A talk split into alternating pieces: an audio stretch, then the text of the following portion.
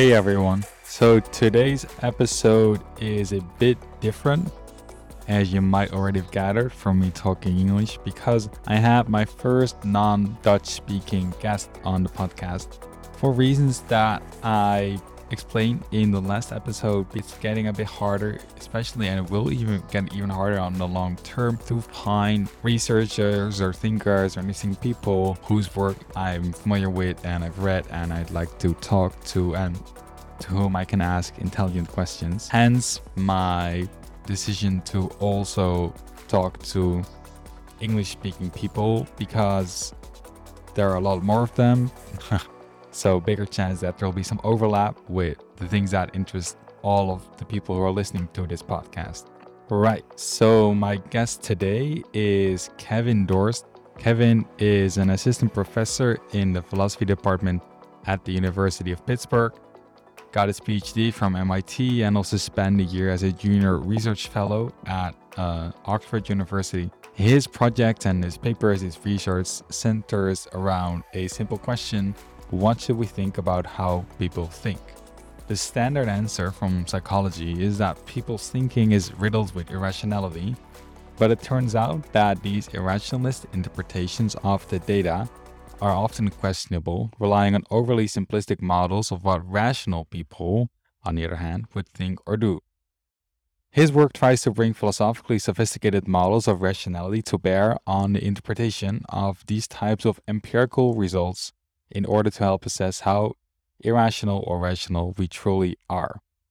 I love his work. I think his papers and his blog, uh, I'll link to all of them in the show notes, are super interesting, um, which is why I'm honored to have him on as the first non Dutch speaking person on my podcast.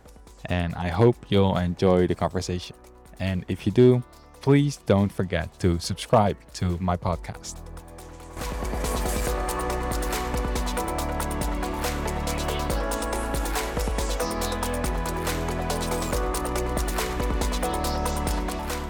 So, Kevin, you start a lot of your papers with a story about a bench or a story about what you and your one of your friends, like how you uh, move to different environments and um, your opinions change. Can you talk a little bit about these kinds of cases? Yeah, definitely. I think they're fairly familiar. There's nothing too special about uh, my case, but the the one that um, sticks with me most saliently is um, a very good friend in high school that we were we were young, we were like politically naive, we didn't have many political opinions at all. We were sort of moderate, you asked us. Hmm. And um, very close, but we were like sort of, you know, as high school students do, pushing the boundaries a little bit. Um, we were, as I say, experimenting. And point my parents caught me. They didn't catch him. He sort of, his parents didn't find out. We were sort of doing a little bit of smoking pot or whatever sort of uh-huh. wasn't too extreme experimenting, but it was a little, it was enough to scare my parents. Um, uh-huh. And basically, you know, they they did the good the good parenting thing of putting a stop to that, like sort of basically mm. building up a wall between me and that that good friend. Mm. And like sort of, you know, life went on. I continued, uh, got a little bit more studious in high school. Started applied to colleges. Went to ended up going to a liberal college and ended up going to even more liberal grad school. Friend actually sort of went on a different trajectory, a quite grim one actually, and went, mm.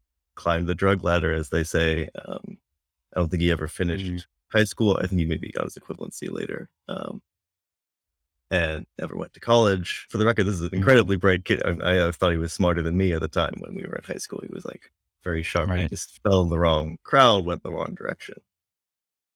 We caught up, I think maybe a year or two ago. And the uh, uh-huh. one of the most striking things was how easily we could predict sort of what what each other's opinions are. We talked a little, we we caught up a little bit of how things had gone, but then we asked talked a little bit about politics and whatever, and like uh-huh. take a guess for sort of what we thought about Trump, or what we thought about gun rights, what we thought about abortion, or what we thought about foreign policy, and like you know, we just check off the list of like, okay, Kevin, me, went to liberal cities and uh, liberal universities, and his friend stayed in a conservative small town and didn't have a serious, more advanced education. And so we, we were Mm-hmm. predictably polarized in all the ways that sort of you'd expect from people who fit those demographic trends. And I think this is a familiar observation to most people. Like, you know, people who have had a different life or come from a different environment take for granted that because of that different life, like you and your friend are coming or spending time in a different environment, people end up with having different views as a result of those experiences. But actually, there's some pretty interesting questions we can ask about that process, right? Yeah, so it's it's sometimes called the um, problem of arbitrary influences or irrelevant influences on beliefs. And the basic concern is there are all these factors about your upbringing that have a direct and predictable effect on what you end up believing. What- what- Mm. Whether you grow up in a religious household has a not certain but quite reliable effect on whether you end up religious, uh, believing in God, say. Uh, whether you Right. attend a liberal university has a quite predictable effect on not again not certain because people go different ways, but uh, fairly reliable effect of whether you have liberal beliefs, what you think about gun rights or, or taxes or what have you. Right. And the basic worry, whether you take take one claim that you go to a liberal university, and a different Mhm. claim that gun rights should be restricted in the U.S. Those claims have nothing to do with each other. Right? It's not like one is evidence about the other. It's not like sort of learning about where you're going to go to college has effect on the probability that gun rights um, are a, a good thing or a bad thing.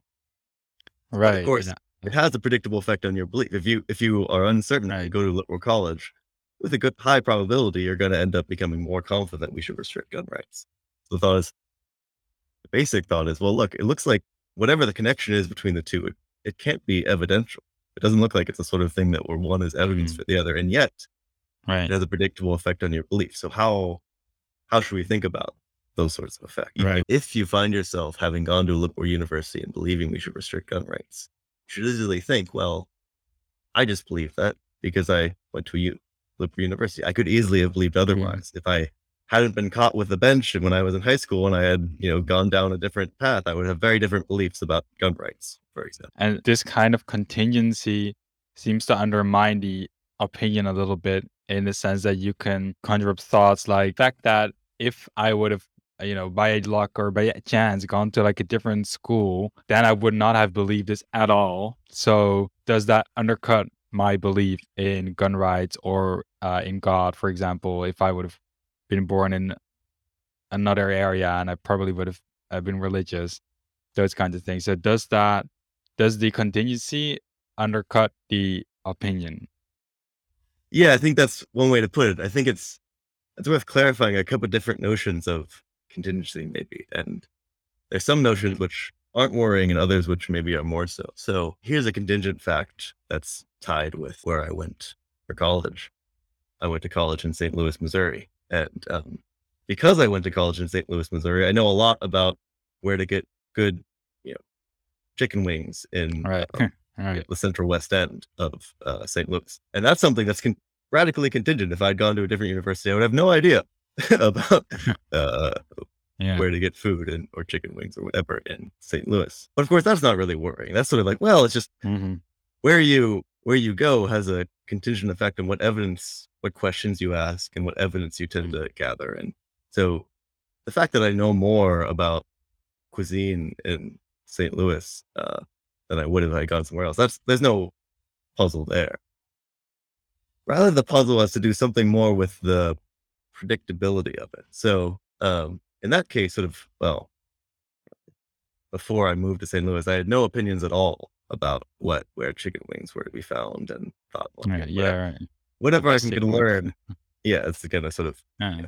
I, I trust I trust my future opinion. I feel like my future self's gonna Google at things. It's gonna I'm gonna try different restaurants and like yeah, my future self's gonna figure this out and know where the chicken wings are in a year or whatever.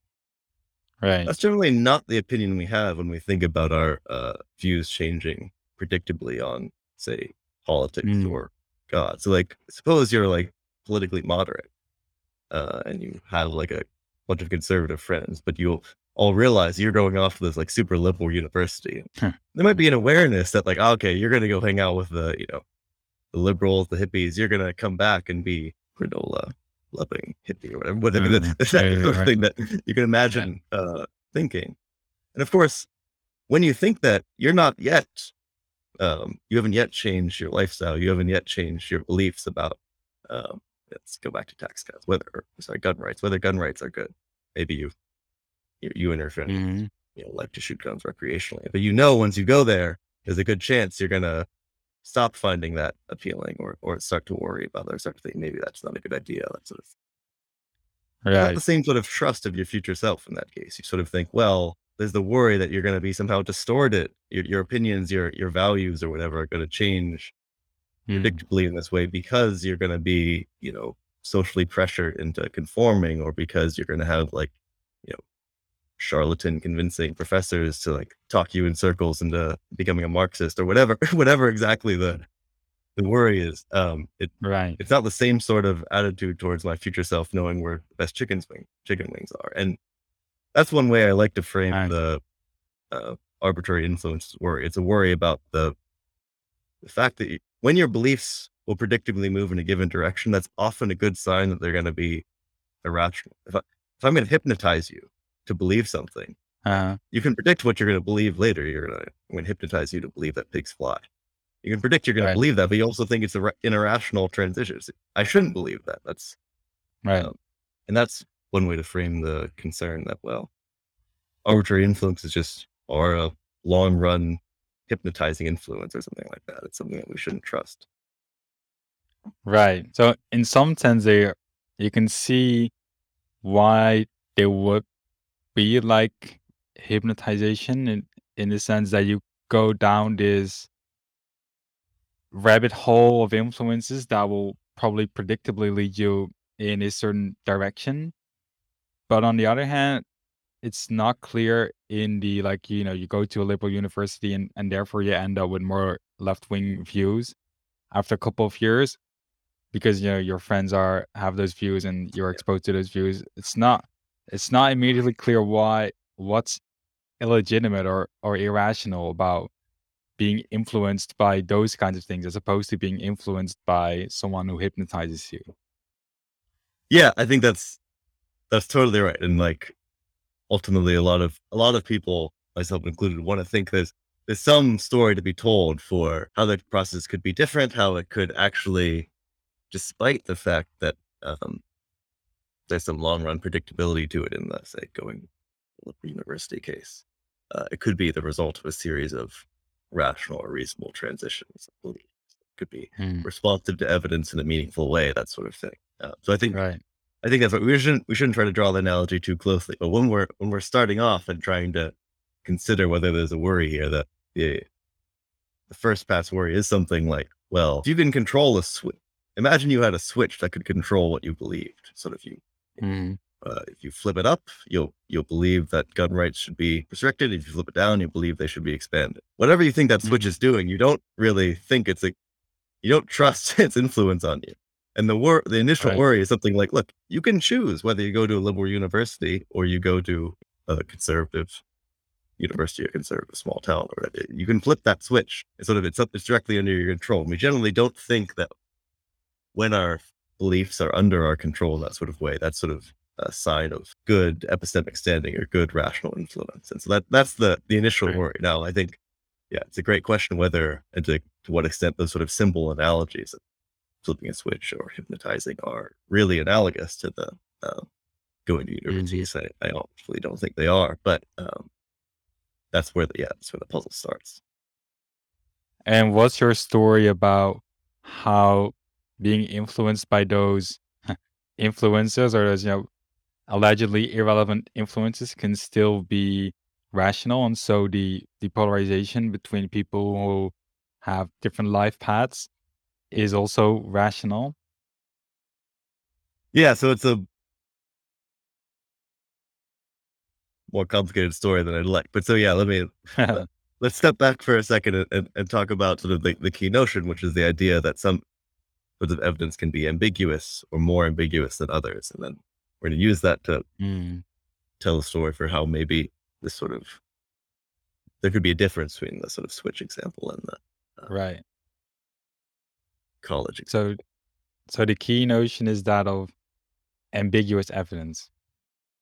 Yeah. So the idea is fairly intuitive. The idea of evidence being ambiguous is just that some evidence is sort of harder to know how to interpret than others. Some evidence is Mm, reasonable to be unsure whether you've interpreted properly.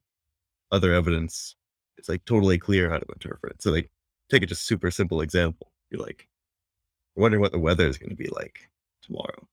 Um, here's a Mm. bit of unambiguous evidence. You check your phone, it says 70% chance of rain. Okay.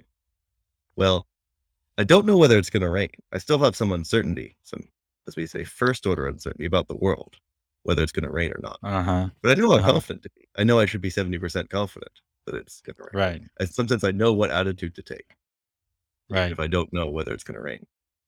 Yeah, sure. Right. Contrast that with a case where you have ambiguous evidence in the sense that you're unsure what attitude to take. You ask me, is it going to rain tomorrow? And I say something with like with a smirk. I say, oh, I can't wait to get drenched. And there's just a Mhm. lot of com- complications in interpreting my. Suppose then I walk away and you don't get a chance to follow up. So I said that something that was maybe sarcastic. I had like a grin in my face. Right. You don't really know how much whether I checked the weather or whether I was sort of you know, I was pulling your leg or just there's a lot of. Ambiguity in how to interpret what I said. And you could reasonably wonder not only whether it's going to rain tomorrow, but like how confident you should be that it's going to rain. Well, maybe you should be 70%. Maybe it Right. should be 40%. Maybe it should be 80%. It's hard to say. Um, and so that's the Right. basic distinction, what the basic distinction between ambiguous and unambiguous evidence is supposed to be. It's do you know how you ought to react to that evidence? Do you know how confident to be Right. various claims? So you got your remark as a like I can't wait to get trenched as a kind of evidence and then it's not clear at all like how you should interpret that with regards to how likely it actually is that it's going to rain tomorrow. Exactly. yeah. Right. The basic distinction is that are you happy with that distinction between Yeah. ambiguous and unambiguous? Yeah, yeah, Uh, right. So yeah, I think I'm I'm following. Um, so the basic idea then behind how we could see ambiguous evidence as leading to something like predictable polarization has to do with Uh, when people sort of use ambiguity to their advantage, you might say, or how, when, um, let me put it this way: if evidence can be more or less ambiguous, some evidence can be easy to interpret, others hard to interpret. Then it's possible that Mhm. Evidence can be asymmetrically ambiguous. What that means is right. that um, when the evidence points one way, it's relatively clear to know how to interpret it. When it points the other way, it's actually quite hard to know how to interpret it. And so the idea is that as a result, this can make it it's very easy to see the reasons on one side of an issue and hard to see to make sense of the reasons on the other side. And that typically Right. could lead to predictable polarization. So here's a semi-concrete example. Um, suppose a defense attorney stands up. You're on a jury, and like this, they're they're have to defend their client. You're deciding whether the client is guilty. Um, Uh-huh. and the defense attorney stands up to argue that they're innocent. Right. Now, you know they're going to argue. They're going to give you an argument that the defendant is innocent, right? So that's that's their job. So that's sort of praised in. Um, and so because of that, sort of you sort of take you're processing that argument with some skepticism. There's no guarantee that this argument's going to make you think it's more likely that they're innocent. For example, if they give a really bad argument, then you're not going to think you're, that's the best they could do. You know, if they say, "My client's innocent because look, he just looks like a nice guy," right? Like Yeah, if right. that's the best they can do, then you think this must be guilty. um, Yeah, But- right. About about that lawyer case and that argument, that that al- already shows that so some because sometimes you see in these studies that people who get an argument that's supposed to be refuting their own uh, position after being exposed to that argument end up more confident in their initial position, even though they, you know, they've seen a counter argument. And then that could be rational if this is the logic at play. So people they see the argument and they think that well, if that is their best argument, then they're definitely not right. yeah, I think I think that's right. It's often sort of people talk especially in some areas in psychology and certainly in popular discourse about the sort of issues, as if sort of evidence was somehow stance neutral, as if how much support when you get an argument for something that just automatically provides you with evidence for that thing. And right. that's just in general not right because sort of what yeah, you know, I could tell you you're gonna get an argument in favor of this coin landing heads. Whenever it lands tails, I'm going to argue that it lands heads. Whenever I do that, then that's evidence that it's going to land. It didn't land heads, for example. Uh, and and like likewise with the attorney case, which is maybe more concrete, is that um, you have a bunch of background information to appeal to in interpreting any given argument, and it's the, the total effect of both the argument and your background information about it, which should affect whether it increases or decreases your confidence in, say, what they're arguing that their defendant's innocent. Yeah. So that's one one feature we have to be live to in these sorts of cases right. where assessing whether you get evidence. The thing that um, the way ambiguity can come in in say the the lawyer case, that's what they they can't they can definitely give you an argument, but they can't guarantee that that argument's going to convince you, right? But here's something they can do. Yeah.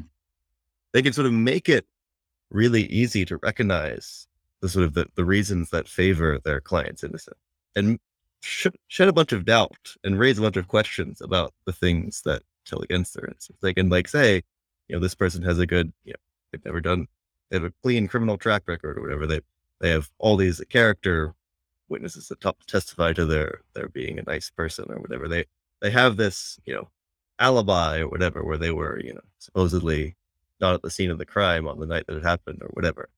They can sort of really highlight all these clear reasons, and so you come away at each each thing they say, like, oh yes, of course, that is a reason. That is a reason for thinking. And then you have all these other reasons for thinking guilty. I don't know. Maybe there's some.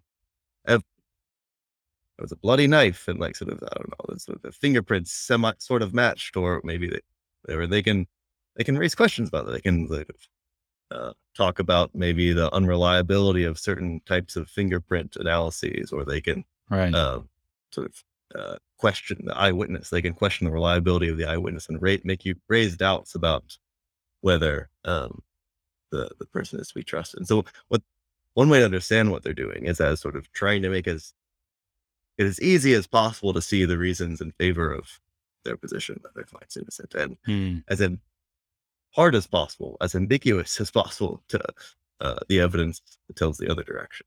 And then this is also uh, what happens if if people go down different life paths. So, right, is that the idea? So, people who go to like liberal colleges, for them, the arguments in favor of certain left wing positions get explained very clearly and very persuasively, whereas arguments that go against those positions are always um, countered, and you know it's not not really clear whether this is a good argument or not. So I'm not really sure what to make of it. Whereas arguments that are um, congenial to that position are presented very clearly, so you immediately accept it, and then reiterate that a couple of times, and then you have people that polarized. That's the yeah, that's the basic big picture idea that um if you're in a social group that tends to um agree with a certain claim like that gun rights should be restricted, then when reasons or evidence or arguments come up in favor of that claim, they they come by relatively unquestioned. So when uh, a school shoot shooting happens, everyone agrees, yeah, this is obviously the, the thing to do is to you know, restrict gun rights. And when people consider whatever whatever statistics they appeal to are the ones they like that straightforwardly um, tell in favor of one position. And then whenever other considerations get brought to bear about like, well, maybe prepped my my reasons for not restricting gun rights, but as you as you as I yeah. admitted, I'm I'm pro restricting gun rights. So I'm not uh, as up on the on the various reasons. But for example, you know, people questioning the effects of imposing restrictions, whether it will force guns to black markets, whether it will sort of restrict it for the wrong sorts of people, um, whether there's already, you know, the U.S. is already overrun with guns, and so there's not really any any turning off the spigot. Those sorts of things.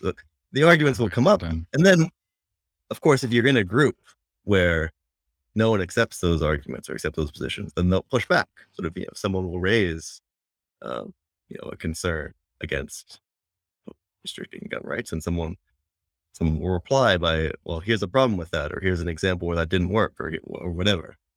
And so the idea is like you Right. come away from these discussions where some things seemed very clear and they were the bits of evidence against uh, gun rights. And um, some seem a little bit murky and those were the bits of evidence in favor. They were contested or whatever. And so you come away with an overall Right. picture that um, increases your confidence that gun rights should be restricted. And of course, the thought is for people who are in different social groups, exactly vice versa. Sort of the patterns of what they question, what things um, they're suspicious of, and that they're hard to know how to interpret, are the things now in favor of uh, restricting gun rights. And then um, they get clear evidence and clear agreement among their peers for the things against gun rights. But then one wonders, isn't that just a case of something like confirmation bias? Like people just in both environments just reasoning in such a way that strengthens their initial opinions irrationally is the idea. Uh, yes. Well, yes, except for the irrational thing is, Yeah. is the idea. Um, right. That's right. So yeah, this is um, you know, part of a a well-known cluster of phenomena known as confirmation bias, which really breaks down into sort of umbrella term for many different. One one of the classic and one of the most studied and most replicated types of uh, confirmation bias is what's known as bias assimilation of evidence, where effectively the basic phenomena is where people are more inclined to subject um, information that doesn't fit with their beliefs to intense scrutiny and less inclined to select to uh, subject congenial information information that fits with their beliefs to scrutiny and So just to confirm, so that's also what's happening in the uh, rational polarization because of your different life pathways. So right. So the idea is that things or considerations that do not fit with like your your worldview is something that you scrutinize much much harder than evidence that you already agree with, and therefore that and that generates the asymmetries in, in ambiguity.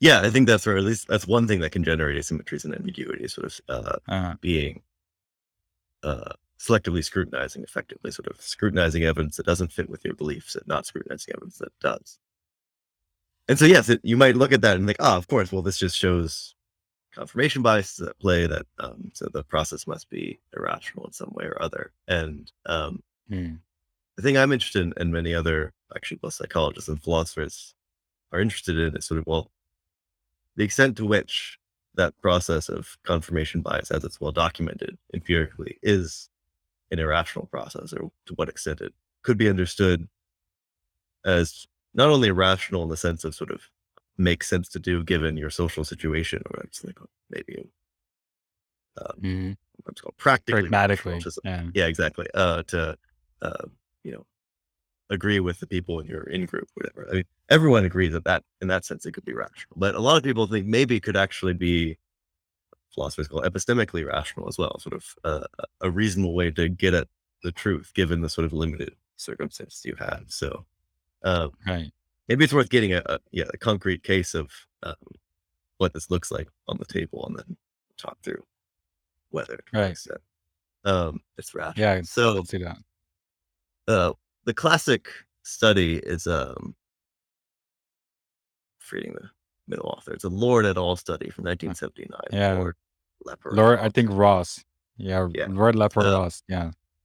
And uh, basically, what they did uh, with the clever study design, they sort of took some issue that was uh, people were polarized over. It was whether the death penalty has a deterrent effect on crime. So whether we we kill people who Hmm. um, commit capital capital crimes, then uh, does that lower murder rates, for example? Right. And what they did was they took participants who were had strong opinions on this. Some strongly agreed Mm. that uh, uh, capital punishment had a deterrent effect. Some strongly disagree. And what they did was they gave both groups of participants um, two studies. They, they were fake studies. They, they made up, but anyways, the, the participants thought they were real, and they were um, basically studies that looked at the effect of um, uh, capital punishment and came to some conclusion about whether it has a deterrent effect. So that one study would say, like, we looked at these, you know, states X, Y, and Z, and they, you know, Mm.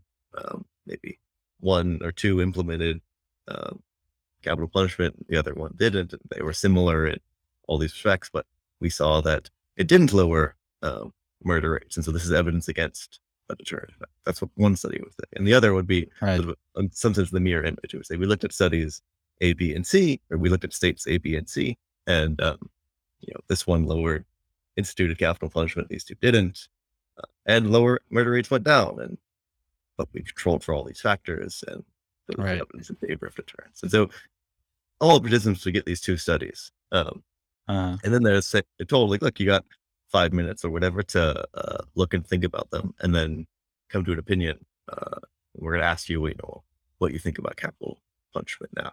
Um, right. and what happens? You, so you might have thought that if people get these studies, then like they they got shared evidence that was sort of in some sense equivocal. at, It, it pointed both Yeah.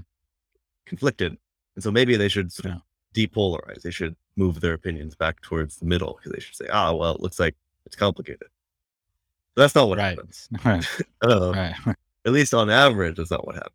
Instead, what happens is that people who really believed one side strongly scrutinize the arguments against their side and became more confident. So those who believed that uh, Mm, it has a deterrent effect really looked closely at that study that um, suggested doesn't have a deterrent effect and basically come up with a bunch of flaws for the study saying like look it looks like they failed to control for some things. Looks like this argument that they gave was a little bit sloppy. You know, they they come up with um, mm, flaws in the reasoning and sort of alternative explanations for for how they could have that study could have been run without it actually being a threat to their belief right. So they kind of And they- neutralize the evidence.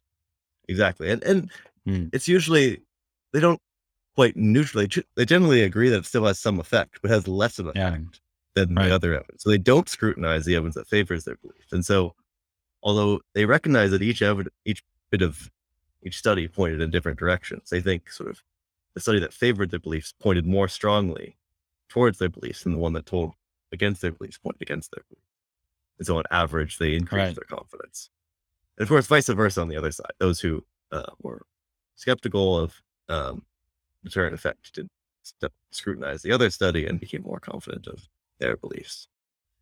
Instance of what bias assimilation looks like in practice, that it actually involves more scrutiny, looking more closely at um, details of studies or bits of evidence that tell against your beliefs um, and trying to process them. Right.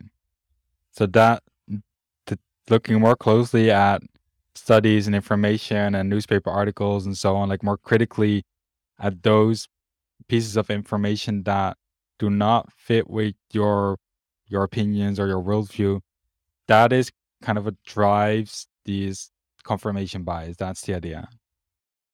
Yeah, exactly. And so now our question is, well, is that rational? and, and there's a few reasons to think that it it can be.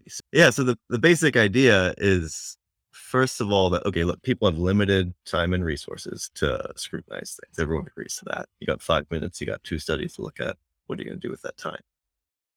And in general, that's a that's, it's a good policy to um, be more inclined to investigate things that are surprising than things that are unsurprising Mm, if I tell you, one second, I'll be right back. I gotta you know, let my dog in. You said, okay, great. That's there. But I say like, um, one second, I'll be right back. I gotta let my elephant outside. Uh, you'll probably ask, what? right. you have an elephant? Uh, so if I say, say something very surprising, you should ask follow up questions. And um, Right. Right. perfectly reasonable epistemic strategy. um, Yeah. and the, the basic thought in this context is that look, suppose you're you're really convinced that capital punishment has a deterrent effect. Then of course Uh-huh. study which suggests as much is completely unsurprising. Well, yeah, of course. I, I Yeah. saw that coming from a million miles away. Yeah. Right. But the other study, the one that tells against it, like that's surprising. It's like me mentioning an elephant all of a sudden. Uh, and so you're like, oh, should, I should look into Yeah. that. I should I should investigate whether there's something up with that. And so Right. perfectly reasonable to spend more time thinking about the the study that was surprising. And of course, which which study that is depends on what your prior beliefs are, whether you believe deterrence uh, in the deterrent effect or not. Yeah. Right. And so that's the basic idea for how selective scrutiny could be rational. Now, to get uh, rational polarization out of it, rational predictable polarization, we need a little bit more. We need to add something like um, ambiguity of evidence. The, the basic thought here is that look, ignore ambiguity for a second. You should sort of, if you are selectively scrutinizing, you should be aware of it. You should be aware, for example, that you're looking closer at the study that tells against your beliefs than the one that tells you know, for example, you spend your Mhm. five minutes looking at only one study.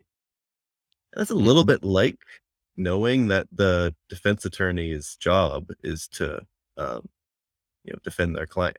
Right? It's a little bit like, Right. okay, well, I found this problem with the study, but of course, I was looking for a problem with the study. Uh, just like the defense attorney made Mm. made some argument, they they were looking for arguments, and so in some Right. sense, that should be priced in, even when you selectively scrutinize. We need something more to explain how you could predictably polarize beyond simply that you get different evidence. It's got to be that um, that evidence predictably affects your beliefs. And here's where I want to say ambiguity Mm. comes in. It's the thought that, look, when you're scrutinizing a study, there are a few different things that can happen.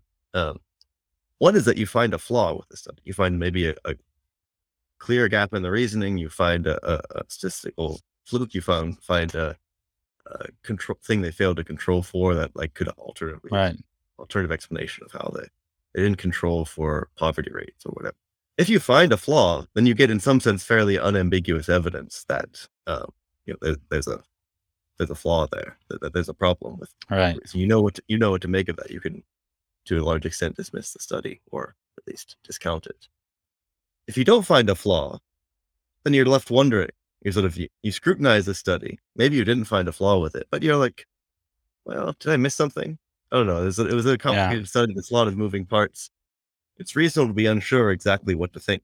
In that case, reasonable to have ambiguous evidence, as I would say. Just to summarize, so it's kind of like this thing is kind of like if you tell me about your elephant, then my initial reaction is going to be, oh, he's joking or whatever. And then I'm going to try to find like what's wrong, what's wrong here.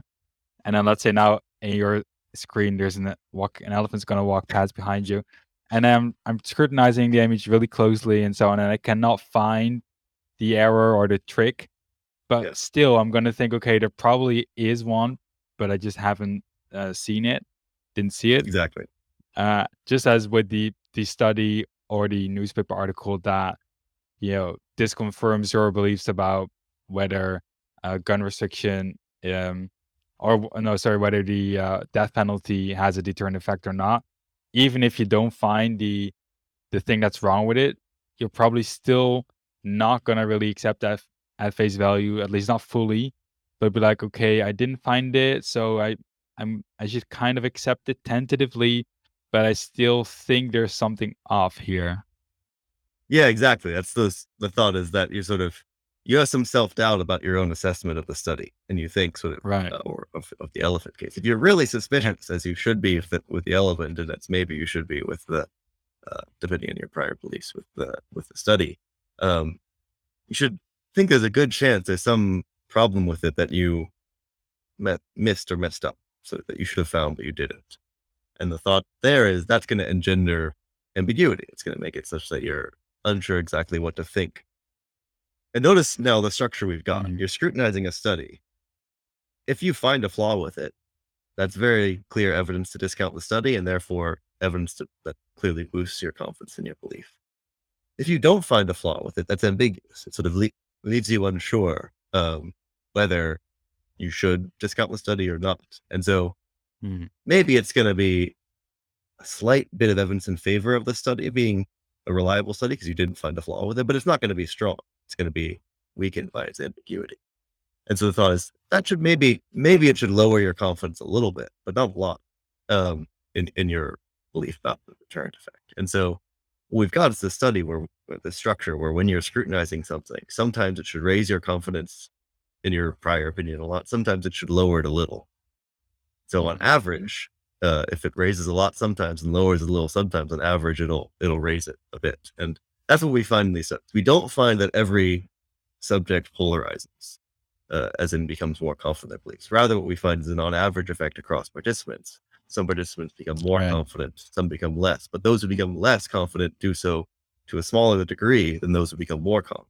And therefore, the average effect is uh, to see the two groups sort of uh, becoming more, on average, confident. So that's the, the Right. basic idea. That sort of Mhm. the, Hmm.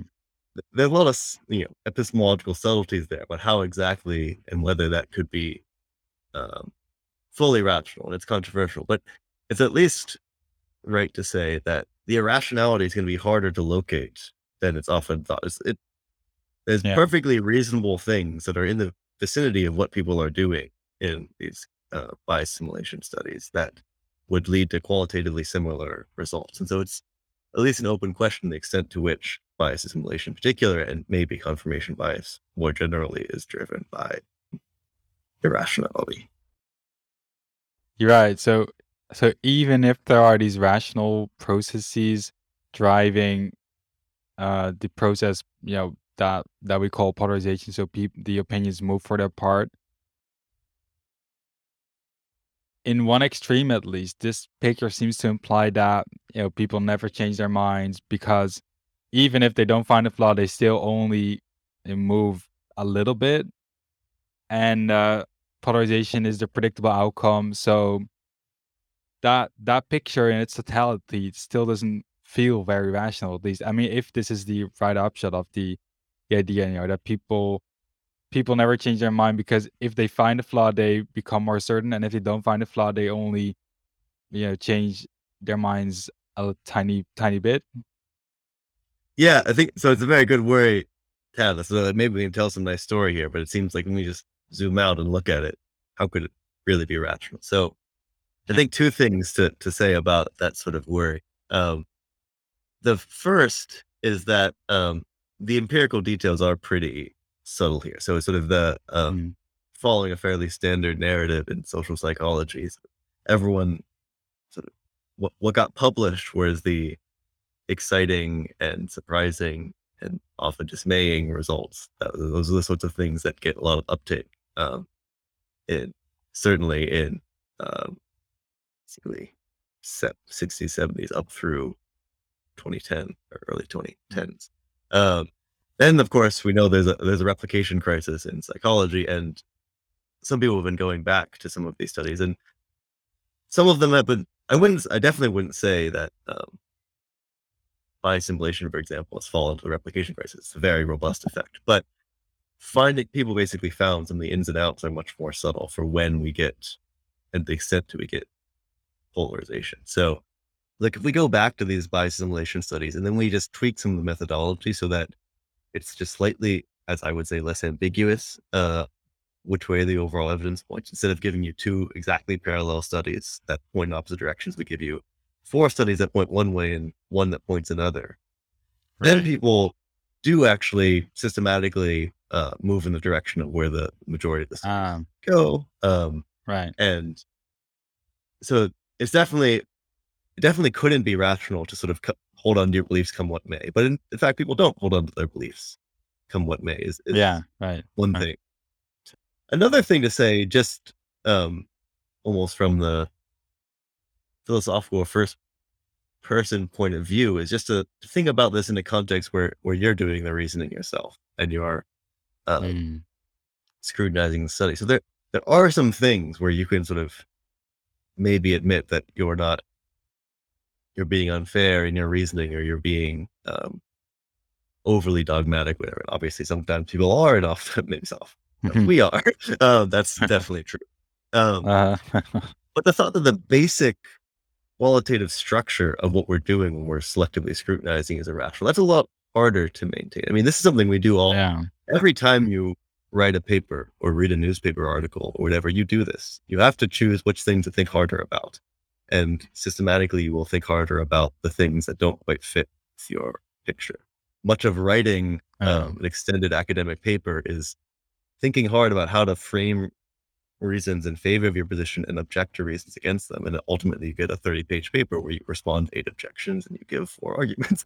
Um, and uh, Uh, this is something we do all the time, and that much of certainly philosophy and arguably large chunks of academia are built around. And so the idea that that as a basic metric is a basic way of investigating as irrational is a lot harder to maintain when you realize how much you you yourself are doing. So there's always a question of degree. Right. Always maybe you're doing it too much or too little at a given point. But thought that structurally it's irrational is uh, I think, at least, it's if you come to accept that, it's going to be a lot harder to know what to think of your own reasoning in a lot of contexts. Yeah, right. Yeah.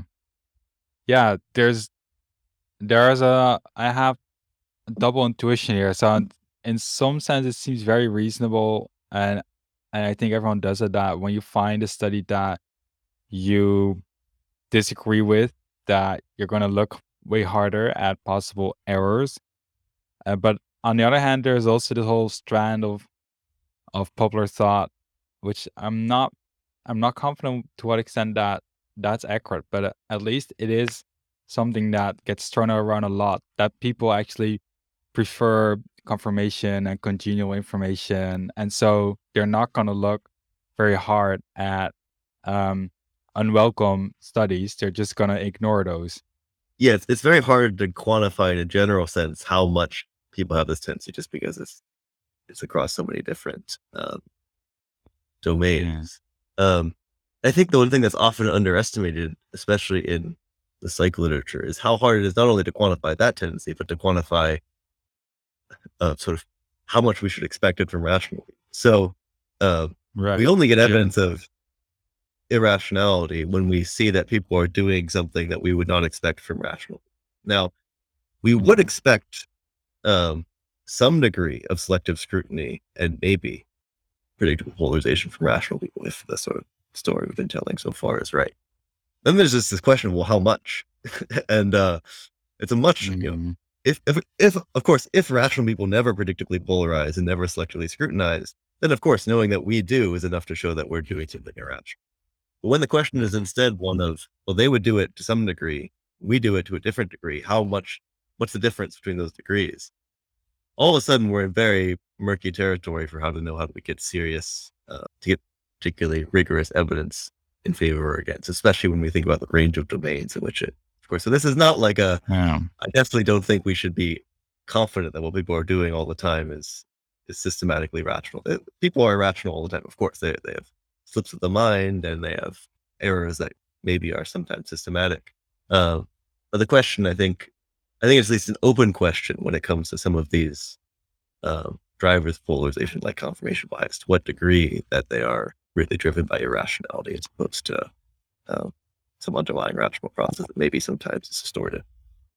So what you're saying is that when you say that the, some types of these processes are irrational, it's not clear what benchmark you're using for assessing this. So because prior beliefs they they should affect how you react to new evidence. It's not realistic to and not probably not even desirable to to expect that uh, there's no influence at all of your prior beliefs or whatsoever. So when is it too much? Is it like a confirmation bias? And when are you just using what you know about the world, like about where elephants uh, live and whether people have elephants as pets and so on, to use that knowledge that you have to rationally interpret the new information that you come across? Yeah, it's a great question and a hard question. So, I mean, there are certain answers that are pretty clear from the epistemology side of things. What could what are the limits of um, the extent to which this could be rational here? And one uh, answer is that there really can't be a guarantee that you're going to increase your confidence. If there is a guarantee that you're going to increase your confidence in your claim, then it can't that can't result from rational processing. And there's a variety of arguments being given for that. But basically, for example, if you knew beforehand that, well, right now I'm 70% confident that deterrent, that capital punishment has a deterrent effect. But I know after I get the study yeah. and scrutinize it, I'm going to be 80%. Like whatever. And that would be around. Is, yeah. Exactly. Yeah. And sort of, and there are a variety of arguments you can give for that, but the basic, basic reasoning is that we're, we're pretty close to the hypnotist case. We're, we're a case where, um, like if, if you knew that it would be rational for you to raise your confidence now in the future, then you should raise your confidence now. If you, if you know that later you're going to get evidence which supports P, you you right now have evidence that supports P. That the claim that you're going to get evidence for P is it, itself evidence for P. Slogan goes sometimes. Evidence is evidence is evidence. And so if you rationally now expect right. that you'll rationally later or know that you'll be uh, quite confident P, you should already be quite confident. And so in these cases, if you know that later you will in fact be confident, uh, more confident, then that can't result from a rational process. And this is where I think some of the nitty gritty details of the studies are important. That sort of often they're glossed as if people it's just inevitable that their beliefs are going to move in a certain direction. And if it were, then I think we should all agree that that to the extent that's true, then they um, are doing so irrationally. Usually, or as far as I know, always empirically, that's not the case. It's never never a guarantee. Rather, it's a, an average effect across subjects, and um, right. that that just makes it much more complicated. And there, there are other things we can start to try to tease out for the limits of um, how robust this sort of how predictable the, the change in beliefs can be. Um, but here we go quickly, very quickly into fairly um, heavy lifting, lifting sort of epistemology and theory of rationality that's fairly or quite controversial. And so I think there, there aren't going to be super clear, easy answers that everyone can agree with, at least.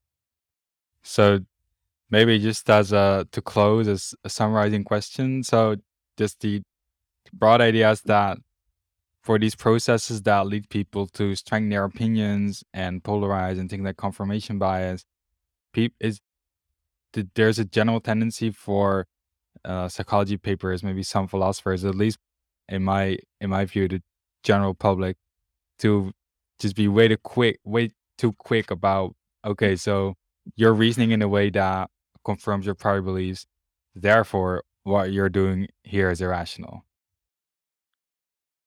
Yeah, I definitely I I am inclined to think as much. So my my backstory on on these sorts of topics is that I um, in college did some stuff in psychology and was convinced by the standard story about people are irrational all the time.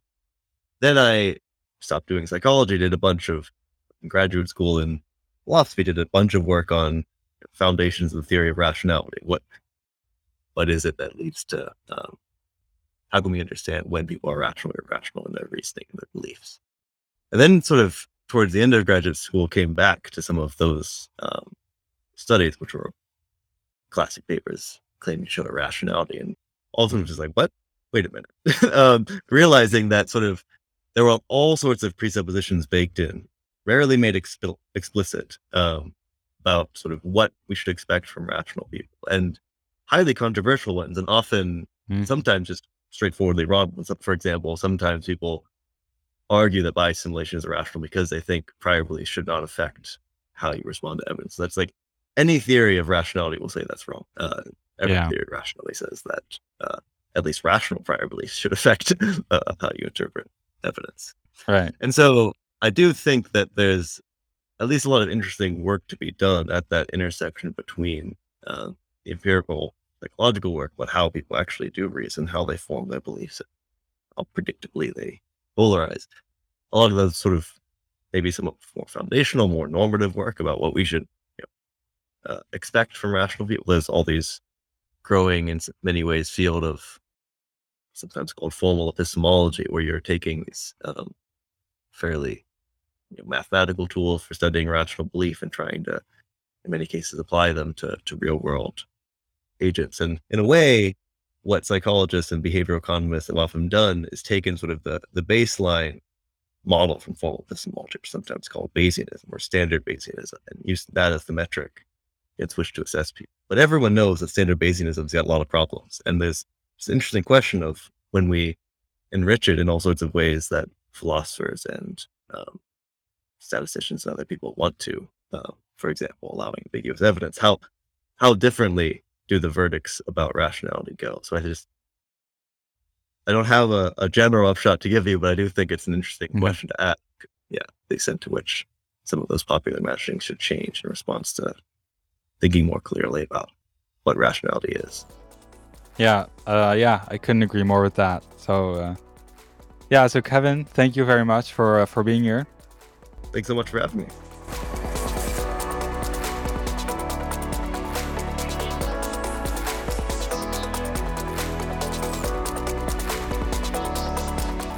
So I hope you have enjoyed this conversation. And for me, the main takeaway was I think that it's too easy and it often often happens too easily to conclude that people are irrational because they do either of the following things. uh, such as polarizing predictably because of their life paths, or holding on to their prior beliefs in response to disconfirming evidence or arguments, or violating certain standard models of what rationality entails. I think Kevin's papers, and a link to all of them in the show notes, convincingly show that it's actually not clear at all what is irrational about things like confirmation bias and polarization that are so often taken to be clear signs of human irrationality. So, I hope you learned a lot because this is definitely something that's going to be in my new book, which unfortunately will be in Dutch. So, if you're not a Dutchie, then it won't be of much use to you, but you know, hopefully, maybe it will get translated someday. Well, that's it. I'll see you in two weeks.